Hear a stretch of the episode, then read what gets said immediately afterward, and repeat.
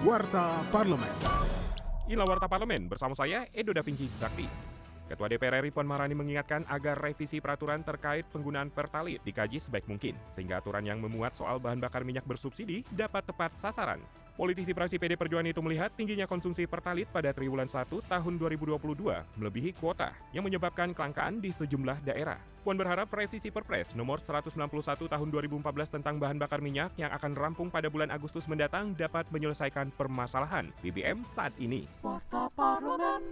Saat menerima audiensi Migran Care, anggota Komisi 9 DPR RI Nur Natlifa meminta semua stakeholder terkait untuk menindaklanjuti masalah pencalonan terhadap pekerja migran Indonesia atau PMI karena hal ini berdampak pada minimnya perlindungan kepada PMI tata kelola apa yang sudah dilakukan untuk keberangkatan para PMI kita ke luar negeri kembali bekerja. Kita tidak akan melarang warga kita bekerja di luar negeri, tapi kalau perlindungannya baik, tata kelolanya baik, insya Allah di negara penempatan pun akan mendapatkan kenyamanan. Sedih juga mendengar apa yang disampaikan oleh Mbak Anies, LTSA. Semangatnya memang untuk memudahkan para PMI kita mengurus dokumen itu sendiri sehingga lepas dari calo. Tapi kalau ternyata itu memudahkan calo untuk mengurus dokumen ini kan kita mau bilang apa gitu.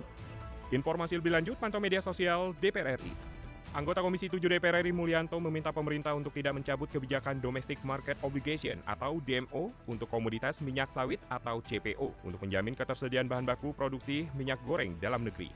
Menurut politisi praksi PKS itu, himbauan dari pemerintah saja tidak cukup, tetapi pemerintah harus hadir dalam mengendalikan aspek ketersediaan dan harganya agar komoditas sawit tidak langka dan harganya dapat terjangkau oleh masyarakat. Televisi Radio. Demikian Warta Parlemen, Produksi TV dan Radio Parlemen. Biro Pemberitaan Parlemen, Sekjen DPR RI.